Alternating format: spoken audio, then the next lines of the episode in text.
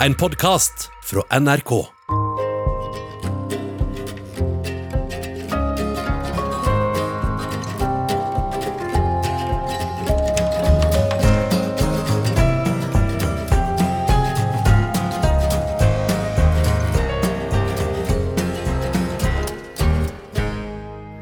Måtte du leve interessante tider, heter det i et gammelt ordtak. Det lyder som en velsignelse, jeg oppfatter det som en forbannelse. Mitt navn er Halina T. Jeg flyttet til Norge for over 50 år siden og jobber som translatør. I 1967 var jeg 17 år. I løpet av noen måneder gikk jeg fra å være en skoleelev som drømte om å eie en Beatles-plate, og som ikke brydde seg noe særlig om hva som ble fortalt på kveldsnyhetene, til å oppdage at jeg hadde blitt en statsfiende. Vi tilhørte en minoritet som ikke var populær, mildt sagt. Seksdagerskrigen som ble utkjempet mellom Israel og araberstatene, ble brukt av kommunistpartiet som et påskudd for å angripe polske jøder. Vi var ikke vanlige borgere lenger, vi var nå et fremmedelement. Jeg spurte far om det ville bli slik det var under krigen. Han benektet det på det sterkeste. Nei, krigen var et tilbakelagt kapittel. Datidens tilstander skulle ikke kunne gjenta seg. Han beroliget meg, men både han og mor visste bedre. Mor la tidlig to og to sammen og innså at det som foregikk rundt oss, lignet faretruende på situasjonen i Wien bare 30 år tidligere. Hun ville bort fra Polen før det ble for sent. I denne timen, i sommer i P2, skal jeg snakke om hvorfor jeg måtte forlate mitt liv i Warszawa, og hvordan antisemittismen har fortsatt å prege mitt liv, slik som den preget livet til mine foreldre og slekten før dem. All the sisters of mercy, they are not departed or gone. They were waiting for me when I thought that I just can't go on. And they brought me their comfort, and later they brought me this song. Oh, I hope you run into them, you who've been traveling so long. Mor kom fra Wien, far fra Danzig. Hun var en ung pike fra en temmelig religiøs familie, med far som var bokholder og mor som var hjemmeværende. Han var for det meste arbeidsledig. Det er litt uklart hva denne familien med etter hvert fire barn levde av. Barna gikk på skole. På fredag oppsøkte familien synagogen. Kontrastene og urettferdighetene i verden utenfor fikk mor til å omfavne den kommunistiske ideologien som skulle likestille alle, jøder også. I 1938, etter Anschluss, nazistenes overtakelse av Østerrike, begynte terrorveldet mot jødene. Mor, som var eldst i søskenflokken, ble sendt langt vekk til en landbruksskole i Palestina. Det reddet livet hennes. Min fars familie besto også av foreldre og fire barn. Far var den nest eldste. Alle måtte delta for å få familiebedriften, en liten såpefabrikk med to butikker, til å gå rundt. Med fars ord. Ideologien hjemme var begrenset til en evig bønn om å bedre levekårene. Han merket fattigdommen og antisemittismen rundt seg, og ble kommunist. Under krystallnatten så han familiens butikk bli knust, og farfar slått helseløs. Far reiste til Palestina med en spesialtransport arrangert våren 1939 av den mosaiske menigheten i Danzig, og finansiert ved salg av blant annet synagogesølvet. De var 500 som ble sendt i plomberte togvogner fra Danzig via Tyskland og Ungarn helt til Donaudelta i Romania. Der boret de et skip, en gammel rustholk, som tok dem gjennom Svartehavet til Istanbul og Middelhavet med Palestina som mål. Palestina den gang var et britisk mandat, og innvandringen dit var strengt begrenset. På et eller annet vis fikk britene nyss om skipet, og stoppet det. Flyktningene om bord inngikk ikke i den britiske kvoten over jøder som fikk lov å ankomme Palestina. Skipet ble nektet å gå til kai. Flyktningene seilte til Hellas, og så Kypros. De seilte fram og tilbake i mange uker, men ble nektet å anløpe noen sted. De begynte å gå tomme for mat og vann. For ikke å kunne sendes tilbake, ødela de dokumentene sine og alt som kunne identifisere dem. Reisedokumentet til faren min, det med et hakekors og betegnelsen statsløs i nasjonalitetsfeltet, ligger et sted på bunnen av Middelhavet. Sammen med mange nyere dokumenter. Til slutt gikk de over på et mindre fartøy og lot det grunnstøte utenfor kysten av Palestina. De kom i land, og etter en kort internering fikk de lov av britene å bli. Mine foreldres politiske engasjement førte dem sammen. De giftet seg og fikk en datter. Det var smått med penger, og de bodde på et rom øverst i et hus i Tel Aviv. Faktisk oppå taket. Taket var stort, det var mye tumleplass der. Rommet var lite og som regel uutholdelig varmt.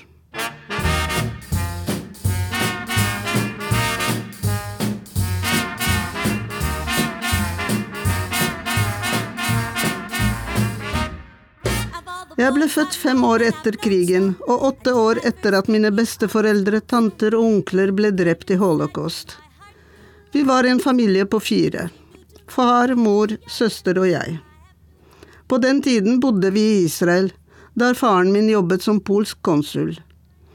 Leiligheten vår lå i Tel Aviv, ved en av de store bulvarene. Mellom de to gateløpene var det en park med sandkasser og mange lekende barn. Det var ikke så mange biler da, og barna kunne leke uforstyrret av trafikken. Til tross for at vi bodde i Tel Aviv, ble jeg født i Warszawa. Moren min ble sendt i ens ærend til Polen for å føde barnet der. Far ville at i hvert fall ett av barna skulle fødes i fedrelandet. Jeg kan ikke forestille meg hvor mye offervilje mor viste for dagen ved å gjennomføre drømmen hans. Reisene den gang var mye lengre og mye mer kompliserte enn nå. Hun var gravid, hadde med seg et barn på fire, og verst av alt, hun kunne ikke språket. Hun var jo fra Østerrike, og språket hun kunne var det som var mest forhatt på den tiden – tysk. Da jeg var to, flyttet hele familien til Warszawa. Vi fikk leilighet i en bygård som tilhørte Utenriksdepartementet. Alle var ansatt i UD, og nesten alle hadde jødisk bakgrunn. Alle kjente hverandre, fellesnevneren var arbeidsplassen og ungene. Og skjebnen under krigen, senere også det som kom til å forene oss enda mer, skjebnen etter hendelsene i 1968. Gårdsplassen var stor, lys og grønn, med markerte blomsterbed og gressplener med syrin og jasminbusker. Vi hadde en sandkasse med kant av rød murstein, resirkulert fra ruinene rett over gjerdet. Vi lekte i sandkassa, i ruinene og klatret i poplene som markerte tomtegrensen. Alt ble brukt i lek. Bankestativene var turnstativ. Kveldene tilbrakte vi i den lille stentrappa til en av oppgangene. Vi lekte sisten, gjemsel, jukseskritt, ringleker, hoppet tau og paradis. Det ble spilt mye ball. Leiligheten vår lå i fjerde etasje. Når vi gikk i trappen, visste vi at vår ferd ble fulgt med fra flere av leilighetene. I annen etasje var det den gamle hushjelpen som tittet ut gjennom dørsprekken og ikke var fremmed for å kjefte på oss hvis vi laget lyd i oppgangen. I tredje etasje var det en eldre dame som passet på. Å være jøde i etterkrigspolen var ikke lett. Vanlig knuffing blant barna utviklet seg gjerne til noe mer seriøst hvis det ble reist mistanke om jødisk avstamming. I nabolaget visste alle at de som bodde i huset vårt, var jøder. Var det fordi vi aldri ble sett i kirken? eller fordi huset tvers over gårdsplassen tilhørte det hemmelige politiet. Det er litt uklart, men alle visste at vi var jøder. Vi ble sett på som et fremmedelement, og vår annerledeshet knyttet oss sammen. De fleste jødiske familiene besto kun av foreldre og barn. Jeg var så heldig at jeg hadde en onkel og en tante. Begge var søsken til moren min. De bodde langt unna, i Israel. Onkelen min ble sendt på landbruksskole til Palestina. Han kjempet i britiske styrker under krigen, og etter hvert utdannet han seg til ingeniør. Tanta mi var bare 14 da hun ble satt på toget alene og sett til England. Hun var et av de 10 000 barna som ble reddet i kindertransport. Hun ble kunstner. Ingen av søsknene til faren min overlevde. Vi var jøder, og vi fikk aldri glemme det. Vi ble minnet på det gang på gang. Barn som bodde i nabogården kunne finne på å komme bort og spytte på oss rett som det var. Jeg benyttet aldri snarveien over gårdsplassen der de ansatte i det hemmelige politiet bodde. Jeg gikk heller rundt kvartalet for å unngå å bli slått ned. Til tross for at jeg egentlig ikke trodde noe kunne skje meg på åpen gate, hadde jeg alltid hjertet i halsen da jeg passerte dette kvartalet. Til tross for at det var en skole like nede i gata, gikk jeg på en skole som lå ca. én kilometer unna, for å unngå mobbing. På skolen skilte jeg meg allikevel ut fordi jeg ikke deltok i religionsundervisningen. Det var grunn nok til å slenge et og annet ukvemsord etter meg.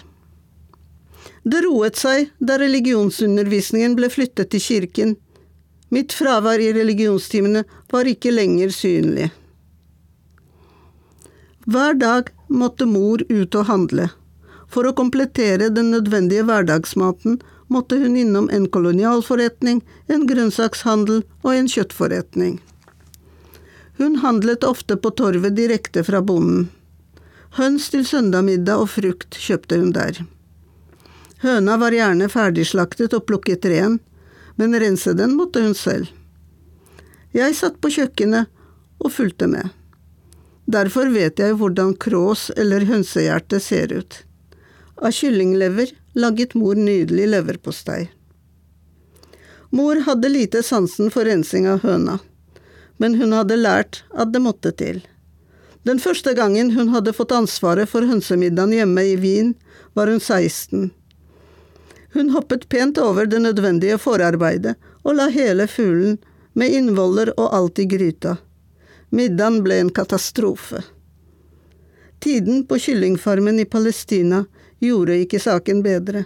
Det finnes en gammel vits. Når er det en fattig jøde kan spise høne? Når enten jøden er syk, eller høna er syk. Slik var det på kyllingfarmen også. De fikk de dårligste kyllingene å spise. De beste var til salg. Det tok mor en del år før hun kunne sette hønsesuppe på menyen igjen. Nå lager jeg den selv til stor glede for hele familien. My jüdische Mama. Sie macht das ist die ganze Welt. My Yiddish Mama. Oh, wie bitter, wenn sie fällt. Ihr darf doch danken Gott. als sie rat sie noch bei sich. Neu weh wie bitter in der Trori, wenn sie geht der Reus wie nicht still. Livet i Øst-Europa var ikke enkelt. Absolutt alt var styrt av staten. Bolig, arbeid, reiser, utdanning. Uten arbeid, i en stat der 99% av arbeidsplassene var statlige, fikk man verken bolig, barnehage eller familieytelser. Staten kontrollerte tilgang til utdanning og reiser, spesielt til utlandet. Det å få pass var et kunststykke. Pass ble så å si aldri innvilget til hele familier, for da risikerte man at de som reiste, ikke kom tilbake. Staten sørget alltid for noen gisler i form av ektefelle eller barn. Og var man så heldig at man fikk pass, måtte passet leveres inn en uke etter hjemkomst. Skulle man reise igjen, fikk man etter en ny søknadsrunde, der man på ny risikerte avslag, akkurat samme passet utlevert igjen. Polen var et land der det meste var mangelvare. Det vanskeligste var tilgang på moderne musikk. Som all ungdom på 60-tallet satte vi pris på The Beatles, Rolling Stones og alskens vestlige grupper. Naboen under oss hadde fått tak i en av de første LP-ene med The Beatles. Han var sprekkeferdig av stolthet og spilte den for full guffe for åpent vindu. Jeg hang ut av vinduet etasjen over og hørte på She Loves You, som ljomet over hele gårdsplassen. Yes, she loves you, and you know you should be glad. She loves you, yeah, yeah, yeah. She loves you, yeah. Allerede i 1967 begynte det å syde. Jeg brydde meg ikke om det, det var de voksnes sak. Senhøstes 1967 ble det klassiske stykket Forfedrenes aften satt opp på Nationaltheatret i Warszawa. Det var skrevet tidlig på 1800-tallet og var sterkt kritisk til den slette behandlingen polakkene fikk av den russiske tsar. Nå ble stykket, som var sterkt antirussisk i sin tid, tolket som antisovjetisk. Da forestillingen ble tatt av plakaten, begynte studentene å demonstrere. Kravene var talefrihet og avskaffelse av sensuren. Myndighetene var raske med å legge skylda for urolighetene på studenter med fremmedklingende navn, og på foreldrene deres. Ja, for i Polen var foreldre ansvarlige for barnas gjerninger, og omvendt. Og de fremmede etternavnene tilhørte den universelle syndebukken, jødene. Den polske antisemittismen i 1967–68 danner bakteppet for den største omstillingen i mitt liv. Jeg var gymnaselev og lite opptatt av det som skjedde rundt meg. Mine interesser kretset heller rundt skolearbeidet, bøker og det lille sosiallivet en elev kunne tillate seg. Elevenes liv både på skolen og på fritiden var nemlig underlagt strenge regler. Det var portforbud etter klokka ti på kvelden. Alle måtte ha skoleemblemet på sitt venstre erme til enhver tid, slik at de lett kunne identifiseres. Nåde den som ble tatt uten det. Lærer-foreldrepatruljene, kalt troikar, da de gikk tre og tre, trålet gatene etter ulydige elever. Bruk av sminke eller høye hæler var forbudt. Det ble også sørget for at elevene ikke utviklet noen form for selvstendig tankevirksomhet, særlig politisk. Stilene vi skrev refererte utelukkende til det litterære stoffet analyser, men aldri en politisk tanke. Selv stykket som skapte så mye storm, ble bare betraktet fra et litterært synspunkt, til tross for dets sterke politiske undertoner. TV og nyhetene brakte stadig vekk bilder av propagandamøter der arbeiderne viste plakater med femte kolonne til Israel eller sionistene til Siam. Ja, en eller annen må ha bommet litt på landet, de kunne ikke skryte av for mye utdanning, plakatmalerne. Andre plakater oppfordret skribentene til å holde seg til pennen, bønnene om å passe jorden, osv. Underforstått, ikke bland deg i saker du ikke har noe med. Talen til partibossen Gomulka anga tonen. Jeg vet at det er noen blant oss som har to fedreland. Nå må de velge Videre snakket han om en sionistisk femtekolonne som undergraver det nasjonen har oppnådd. 20 år etter krigens slutt brukte man ikke ordet jøde. Jøder ble kalt sionister i stedet. Som sagt så gjort. Alle som fjernt kunne mistenkes for å ha jødiske røtter, mistet jobben. Og siden bolig ofte fulgte med jobben, alt tilhørte jo staten, var flere jødiske familier snart uten midler og uten tak over hodet. Jeg ble skikkelig skremt av det jeg så på nyhetene. De antisemittiske undertonene var ikke til å misforstå, selv for en elev. Vi tilhørte en minoritet som ikke var populær, mildt sagt. Vi var ikke vanlige borgere lenger. Vi var fremmedelementer. I en alder av 17 år hadde jeg uforvarende blitt en statsfiende. Jeg spurte far om det ville bli slik det var under krigen. Han benektet det på det sterkeste. Nei, krigen var et tilbakelagt kapittel. Datidens tilstander ville ikke gjenta seg. Slik beroliget han meg, men både han og mor visste bedre. Mor la tidlig to og to sammen, og innså at det som foregikk rundt oss lignet faretruende på situasjonen i Wien bare 30 år tidligere. Hun ville bort fra Polen før det ble for sent. Far var ikke lett å overtale. Han hadde fortsatt tro på landet sitt. Hun tok ham på lange spaserturer i den store Wajenki-parken, gang på gang. Der kunne de snakke fritt. Alle visste at hjemme var telefonen avlyttet, og at veggene hadde ører. Den 8. mars demonstrerte studentene på universitetet i Warszawa med krav om talefrihet og borgerrettigheter. Til tross for at demonstrasjonen gikk rolig for seg, fant makthaverne den truende nok. Busslaster med frivillige militser fra fabrikkene i Warszawa-området ankom universitetet, og med køller spredte de demonstrantene for alle vinder. Den dagen lå tåregassen som et tungt teppe over byen. Dziwny jest ten świat, gdzie jeszcze wciąż mieści się wiele zła.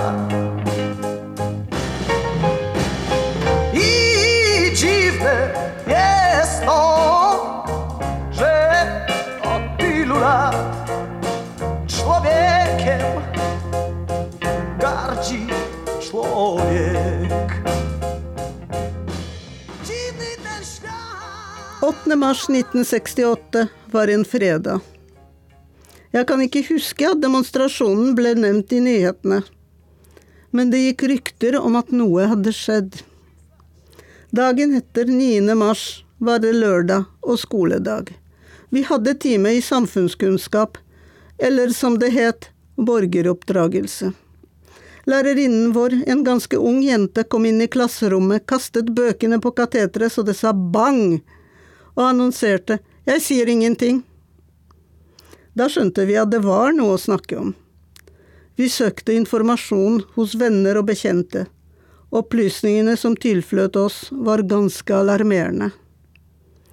Vi fikk høre om studentdemonstrasjonen og militsens brutalitet, om hvordan studentene søktes tilflukt i kirken og ble fulgt inn av militsene som slo dem ned, også på hellig grunn, om studenter som forsøkte å løpe unna, og som ble slått helseløse, om de som ble arrestert, om tåregassen. Det nærmet seg artium. Vi skulle velge veien videre og søke om studieplass. Søknadene ble samlet inn av vår klasseforstander for oversendelse til studiestedet.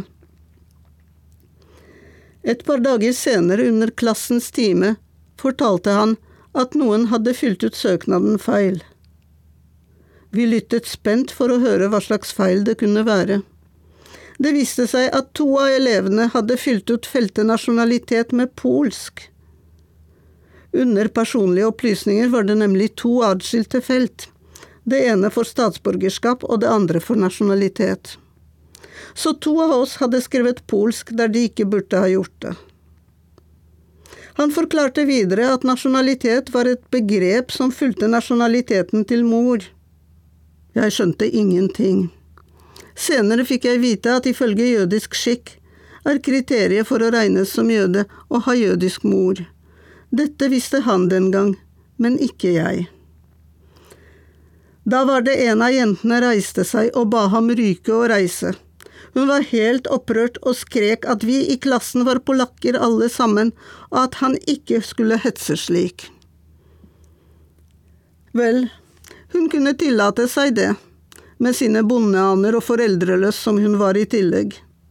Vi småborgere, som attpåtil hadde to foreldre å vise til, lå dårlig an. Ja, for mye var avhengig av hvilket samfunnslag man tilhørte. Bonde- og arbeiderbarna fikk ekstra poeng, rett som det var. Annas tale satte en stopper for saken. Søknadene ble sendt videre slik de var. Når jeg tenker over denne hendelsen, slår det meg at det var høyst merkverdig at læreren vår hadde oversikt over hvem som var jøder i klassen vår. Det hadde jo intet med undervisningen å gjøre. Den eneste som hadde skrevet jødisk i søknaden, hadde vunnet to elevolympiader, en i matematikk og en i fysikk. Premien var opptak til universitetsstudier uten opptakseksamen. Han hadde intet å frykte. I tillegg ga han blaffen. Han visste allerede da at han skulle forlate Polen. Jeg var oppdratt til å være polsk og patriotisk polsk også. Det hadde ikke falt meg inn at jeg kunne ha en annen nasjonalitet enn polsk. Det skulle jeg snart lære. Eksamen kom og gikk, og vi fikk vitnemål. Artiumsballet dannet en avslutning for en viktig periode. Vi var så oppspilte, og ingen ville gå hjem. Det var ikke så enkelt å komme seg hjem heller, da klokka var over midnatt, og for å komme inn i huset måtte man vekke vaktmesteren. Nøkkel til inngangsporten var det nemlig bare vaktmesteren som hadde. Heller enn å konfrontere vaktmestere dro vi til en som hadde nøkler til familiens nye leilighet, som de ennå ikke hadde flyttet inn i. Der fortsatte vi festen. I ettertid vet jeg at det må ha vært noe spesielt med denne leiligheten. Det var ingen som bare flyttet fra en så fin bolig i et så godt nabolag. Leiligheter var distribuert av bydelsforvaltningen og var ikke enkelt å få tak i. Det var fortsatt mange flerfamilieleiligheter der man delte bad og kjøkken. Vi festet i en leilighet etter noen som hadde forlatt Polen. Søknaden min til universitetet i Warszawa ble godkjent, og jeg fikk lov å gå opp til opptaksprøve til engelskstudiet. Da jeg kom ut, fortalte far meg en stor hemmelighet. Familien hadde søkt om utreisetillatelse til Israel. Ja, for vi hadde ingen framtid i Polen lenger. Far hadde mistet jobben, og med den også leiligheten vår. Søsteren min avsluttet universitetsstudiene uten mulighet til å få jobb, og vi måtte reise. Noen uker senere sto jeg på universitetsplassen og leste gjennom listene i glassmonteren. Først de heldige som hadde stått, og så, jeg trodde ikke mine egne øyne, bestått, men ikke tatt opp på grunn av mangel på studieplasser, også navnet mitt. Jeg klarte nåløyet bare for å bli danket ut av føringer ovenfra. Vi søkte om visum til Israel, og fikk tilsagn om det. Bare tilsagn, for vi hadde jo ikke pass ennå. Visum til Israel fikk man i Nederlands ambassade, som lå like ved der vi bodde. Køen strakte seg langt ut på gata i de dagene. Deretter kunne vi søke permanent utreisetillatelse til Israel. Vi hadde ikke noe valg, Israel var det eneste landet vi kunne få utreise til. Ifølge polske myndigheter var det jo bare sionister som kunne tenke seg å forlate Polen. Så enkelt var det, og da stemte statistikkene etterpå. Vi ventet og ventet på utfallet, imens pakket vi. Jeg stilte som krav å få ta med alle bøkene mine. Alle barnebøkene, barnerim, eventyr, Den hemmelige hagen, Pippi, Barna i Bakkebygrenda, Louis Carroll, Jules Verne og Jane Austen. Og jeg fikk lov til det. Tiden var kommet til å gi bort lekene jeg egentlig hadde vokst fra. Den store babydokka og møblene til dokkehuset gikk til lillesøsteren til bestevenninnen min. Under besøket hos denne venninnen fortalte jeg at vi skulle emigrere. Nei, det må du ikke finne på, sa faren hennes. Bli her, vi skal adoptere deg. Ordene hans er med meg til den dag i dag. Det fantes da ordentlige folk også. Klærne til den store dokka, mine gamle babyklær, gikk til en nyfødt gutt. Faren hans hadde mistet jobben samtidig med min, og familien hadde det veldig tøft. Gutten er en anerkjent journalist nå. Pakkingen pågikk for full maskin. Alt vi skulle ha med, måtte listeføres, som for eksempel våre flere tusen bøker. Hver bok måtte påføres et nummer og skrives opp. Platesamlingen, som ikke var spesielt stor, måtte føres på en tilsvarende liste. Den måtte reduseres til 25 plater. Det var kvoten en familie kunne ta med ut av landet. Fars samling av asiatiske figurer og suvenirer fra årene i Indokina måtte godkjennes av en kunstkurator. Ingen gjenstander fra før 1946 kunne tas med. Alt mulig var kvotebelagt. Intet nyere enn to år gammelt kunne tas med. Det var en utrolig slitsom tid.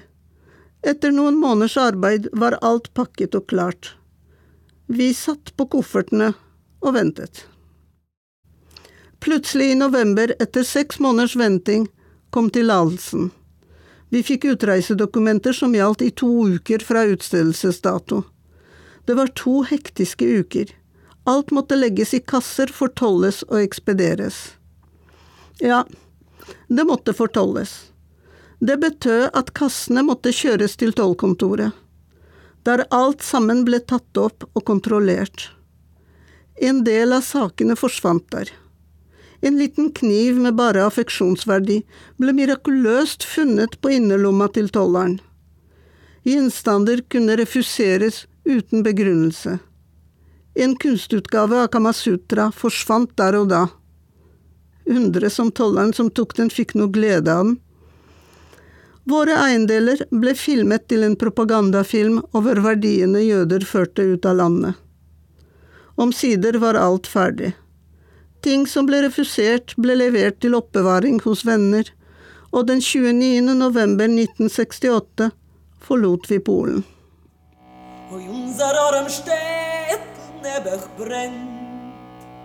Es haben schon die Feierzungen das ganze Städtel eingeschlungen und die Beise winden huschen, als Arum schon brennt.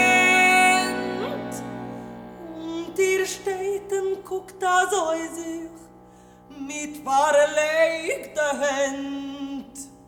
Und dir Städten guckt das sich. Unsere Städtel brennt. Far reiste til Norge på morgen, dagen før jeg forlot Polen med min mor og søster. Ja, for det ble Norge, siden han hadde fått jobb på Instituttet for fredsforskning. En tilfeldighet som involverte Johan Galtung, en sosiologikonferanse i Warszawa, og hans besøk hjemme hos oss. Far reiste med tog til Oslo. Mor, min søster og jeg tok Chopin-ekspressen til Wien klokka 19.10 den 29. november. Vi ble fulgt av noen venner som ikke var redde for å vise seg på togstasjonen med sionistene. Vi var utstyrt med et reisedokument som bekreftet at vi ikke var polske borgere lenger. Nå var vi statsløse. I praksis gjaldt dette dokumentet som passerseddel til å krysse den polske grensen én vei. I vårt tilfelle var det gyldig litt lenger, på grunn av visumet til Norge som var stemplet inn i det. Toget forlot Warszawa. Jeg lå på øverste køye i kupeen og gråt i visshet om at jeg aldri ville se Polen eller vennene mine igjen. Vi ble vekket på grensen. Der fikk vi beskjed om at hvis vi ikke var raske nok med å presentere dokumentene og bagasjen, ville vi måtte gå av. Jeg var helt lammet av skrekk. Grensevakten leverte følgende replikk. Vi er jo ganske greie med dere, vi. Vi lar jo dere reise ut med livet i behold. Jeg ble kurert for Polen der og da. Vi ankom Wien. Jeg ble overveldet av all lyd og lys i byen, de store butikkvinduene og alt som var å få kjøpt. Først da skjønte jeg hvor fattigslig og mørkt det var i Polen.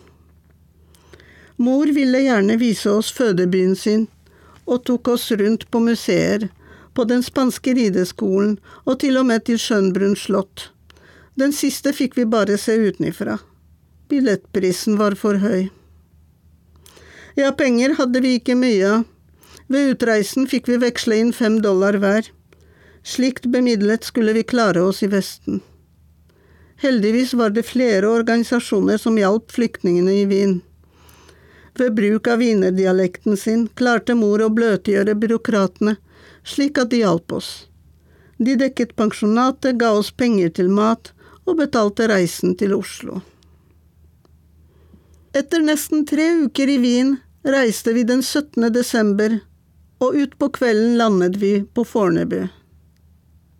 På grunn av de merkelige reisedokumentene ble vi stanset i passkontrollen for å fylle ut noen ekstra skjemaer.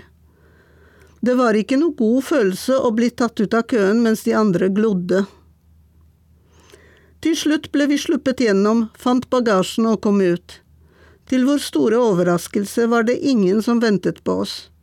Far var rett og slett ikke der. Vi ringte Ingrid som hadde besøkt oss i Warszawa. Hun gjorde kort prosess og beordret oss inn i en drosje hjem til seg. Det var like før jul. Oslo var dekket av snø. Til tross for de oransje lysene som forvrengte alle farver på ringveien, kunne vi se at vi var kommet til et vinterparadis. Det var høye snøfonn, kjørebanen var hvit, vel, oransje i de glorete lysene. Det lå snø på trærne. Ja, det var et eventyr. Drosjen kjørte temmelig lenge. Vi ble satt av utenfor en villa, en av mange i småhusbebyggelsen. Var dette en by? Vi hadde da ikke sett noe høyere enn et par etasjer på veien. Inne ventet Ingrid og familien. De drev med juleforberedelser. Vi ble straks satt til arbeid og slapp ikke før far dukket opp. Postkortet om vår ankomst hadde ikke nådd ham i tide. Det kom faktisk noen dager etter oss. Ja, den gang var det vanskelig å ringe, telegram var for dyrt, så det ble postkort. Vi fikk to rom på Instituttet for fredsforskning der vi bodde i nesten to måneder til vi fikk leid en leilighet. Der fikk jeg endelig mitt eget rom, møblene våre kom på plass, og vi fikk et hjem igjen. Og hvis noen andre kommer mens vi sitter for oss selv, lar vi dem inn allikevel. Her er rom nok, her er varme og lys, alt er ditt, og du fryser, kom inn. Det nye landet som til forveksling lignet stedene vi pleide å tilbringe vinterferiene på, skulle bli mitt nye hjem. Det merkelige språket snakket man både på inn- og utpust. Det var mye jeg måtte lære, fra matlaging på elektrisk komfyr til turer i marka. Jeg begynte på Blindern, fant nye venner, gikk på norskkurs. Plutselig en dag kunne jeg snakke. Det merkelige med Norge var at alle spurte om hvor jeg kom fra. Først senere skjønte jeg at det ikke bare var meg. Utlendingen. Det gjaldt også de innfødte. Nordmenn er programmert til å høre fremmed musikk i språket, være seg dialekt eller gebrokken uttale. De spør alle. Man skjønner det ikke til å begynne med, og enten er sjarmert av det eller fornærmet. En tilfeldighet blant mange har ført meg hit. En tilfeldighet med happy ending. Dessverre er ikke happy ending varig i det virkelige liv. Antisemittismen har begynt å reise sitt hode igjen.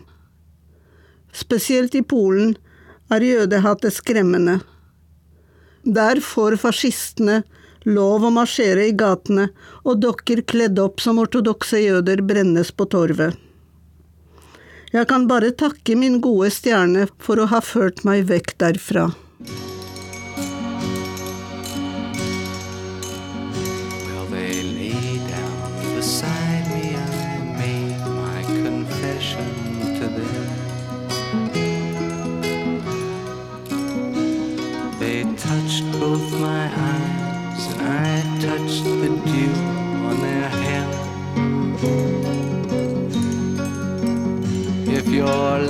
Is a leaf that the seasons tear off and condemn.